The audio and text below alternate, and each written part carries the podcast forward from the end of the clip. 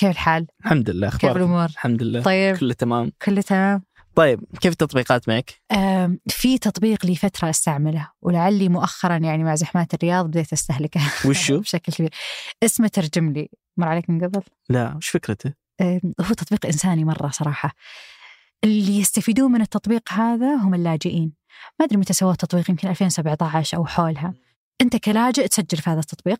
طيب أو كشخص يساعد أو يشتغل مع اللاجئين. طيب تسجل في التطبيق برضو أنت كمترجم تقدر تسجل في التطبيق هذا كمتطوع مم. أتوقع واضح من اسم إيه. التطبيق وش اللي وش لي. اللي بيصير بالضبط اللي يصير إن هذول اللاجئين ايا كانوا في كل مكان في العالم حرفيا في كل مكان في وأي العالم. لغة أي لغة أنت مم. تدخل أصلا كمترجم تحط كل اللغات اللي تتكلمها مو حلو. بس اللغات حتى اللهجات أوكي عربية سودانية عربية عراقية عربية فصحى كل شيء تحطه وبعدين هم لما يصير هذا الشخص يحتاج مساعدة يتصل بالمكالمة لما يتصل هو كذا يقول تجيك مكالمة أصلا أحتاج مساعدة في شخص يحتاج مساعدة بس حلو. المكالمة هذه توصل لآلاف المترجمين كل. المترجمين كل. الناس موجودين عالميا مم.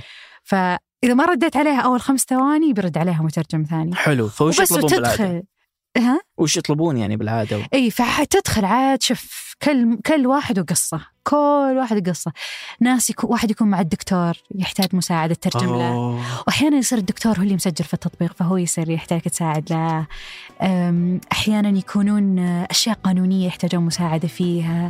أحيانا لا أشياء مرة بسيطة يعني أكل وملابس ويحتاجك تساعده فيها.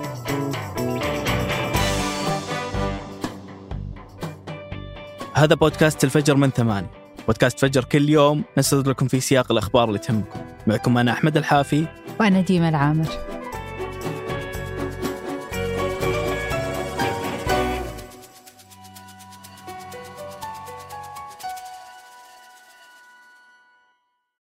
قهوة الصباح وأجود محاصيل البن المختص تلاقيها في خطوة جمل.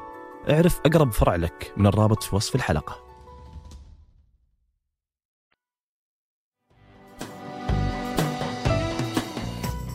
خدمة اشتري الآن وادفع لاحقا هي نموذج الشراء يعطي المستهلك فرصة شراء أي منتج ثم تدفع تكلفته بعدين على دفعات منتظمة. الشيء الملفت أن عدد العملاء المسجلين عند شركات تمويل الدفع الآجل أو مثل ما نعرفها باشتري الآن وادفع لاحقا في السعودية وصل إلى عشرة ملايين عميل بنهاية العام الماضي 2022 وبحسب تحليل وحدة التقارير في الصحيفة الاقتصادية فإن عدد العملاء في 2021 وصل 3 ملايين عميل ووصل معدل العملاء النشطين منهم 60% فيما وصل عدد العملاء في 2022 10 ملايين عميل ووصل معدل العملاء النشطين منهم نسبة 58% أما إجمالي قيم السلع اللي انباعت وصلت إلى 8.7 مليار ريال مقارنة ب 1.8 مليار ريال تمت خلال 2021 وبنمو سنوي حوالي 383% هذه الأرقام انعكست على التجارة الإلكترونية في السعودية وبالذات المتاجر السعودية. بحسب التقرير بلغ عدد المتاجر اللي توفر الخدمة في السعودية 28 ألف متجر مسجل بنهاية العام الماضي. مقارنة بحوالي 6000 متجر في عام 2021 وبنمو قارب 400% نمو كبير تشهده السعودية لشركات الدفع العاجلة وما تعرف باشتري الآن وادفع لاحقا. هذا النمو خلق حالة من الاستهلاك غير المنضبط كما يرى البعض بين فئات عمرية مختلفة. ضخامة السوق وحجم الأموال الموجودة فيه حفزت البنك المركزي لإعادة تنظيم السوق بحكم دوره الإشرافي والرقابي. في مايو الماضي أعلن البنك عن مقترح قواعد تنظيم شركات الدفع الآجل. بحسب وثيقة المشروع كان في عدد من القواعد المقترحة مثل يمنع على الشركات تقديم خدمة اشتر الآن وادفع لاحقا لأي شخص يقل عمره عن 18 سنة. أيضا يمنع أن تزيد غرامات تأخير السداد عن ما يعادل قيمة قسط واحد. بخصوص تأسيس شركة في هذا المجال فإن رأس المال المطلوب هو 5 مليون ريال. وما اصدرت لحد الآن قواعد المشروع بشكل رسمي لكن هذه كانت أبرز ما جاء في الوثيقة المقترحة من قواعد وأنظمة With these rising costs, consumers are naturally looking to stretch their money that much further and maybe put off that bill a little bit longer. Enter buy now, pay later.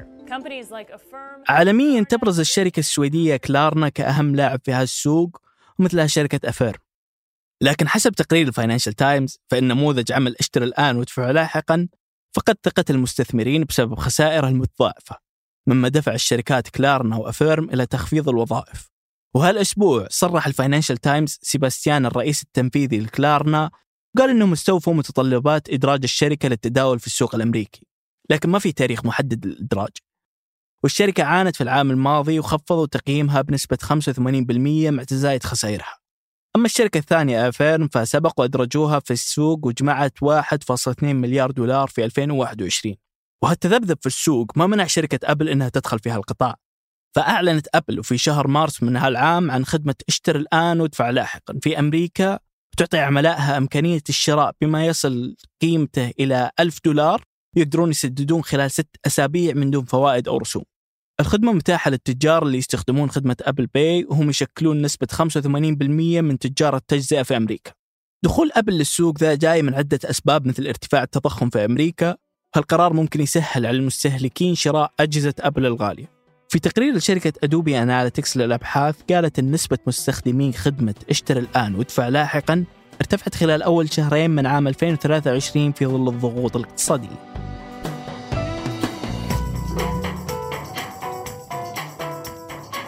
قبل ننهي الحلقة هذه أخبار على السريع. بعد سنة ونص من غزو روسيا لأوكرانيا روسيا ضربت منطقة أوديسا وأهدافها في أوكرانيا. لكن القوات الأوكرانية أسقطت 17 طيارة مسيرة روسية في أوديسا جنوب أوكرانيا. وقدرت روسيا تدمر أربع قوارب أوكرانية في شمال غرب أوكرانيا من تصنيع أمريكي. هذه الأحداث صارت بعد ما غير الرئيس الأوكراني وزير الدفاع. ففي الفترة الأخيرة زادت هجمات أوكرانيا على روسيا. أه، استخدموا فيها الطيارات المسيرة وقالوا أنهم ناويين يرجعون شبه جزيرة القرم اللي أخذتها روسيا في 2014 وقال الجنرال ألكسندر تارنوفسكي من الجيش الأوكراني القناة البريطانية أنهم اخترقوا حدود الجيش الروسي في جنوب أوكرانيا ونجحوا في تقدمهم. وهذا التقدم صار بسبب أن أوكرانيا هجمت على روسيا بشكل مضاد في محاولة منها لاستعادة السيطرة. وفي هوليوود يستمر إضراب كتاب السيناريو. اللي أثر على اقتصاد كاليفورنيا بتكلفة وصلت ل 5 مليار دولار. الإضراب اللي بدأ قبل أربعة أشهر كان بسبب أن الكتاب يستلمون أجور قليلة وطريقة تعامل الشركات معاهم تغيرت. ولاحظوا أن فيه اهتمام من الشركات أن الذكاء الاصطناعي ياخذ أدوارهم. هذا الإضراب أثر كثير على عدد كبير من المحلات الصغيرة والمقاهي والمطاعم اللي يعتمد دخلها على الناس اللي تشتغل في هوليوود. ومن وقتها النقابات والاستديوهات يحاولون يوصلون لاتفاق يحل المشكلة لكن ما قدروا إلى الآن لأن الكتاب والممثلين مصرين على مواقفهم. أوروبا تحاول أنها تسيطر على المحتوى الإلكتروني. بعد تغييرات في قوانين الخدمات الإلكترونية مثل المواقع وتطبيقات التواصل الاجتماعي وأي شيء يرتبط بالإنترنت. وهذه التغييرات الكبيرة كان أبرزها أن المحتوى يظهر للناس بناء على وقت النشر وما يكون يعتمد على الخوارزميات مثل ما تسوي فيسبوك وتيك توك وغيرها. ومنعوا استهداف الصغار والقاصرين بإعلانات حساسة أو موجهة لهم. وحطوا شرط يسمح للأوروبيين أنهم يرفضون المحتوى الموجه أو المخصص اللي تعتمد التطبيقات فيه على بيانات المستخدمين.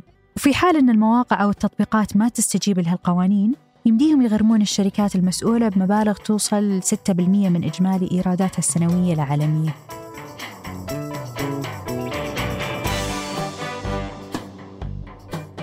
أنتج هذه الحلقة سفر عياد ومحمد جعيد. قدمتها أنا ديما العامر. وأنا أحمد الحافي.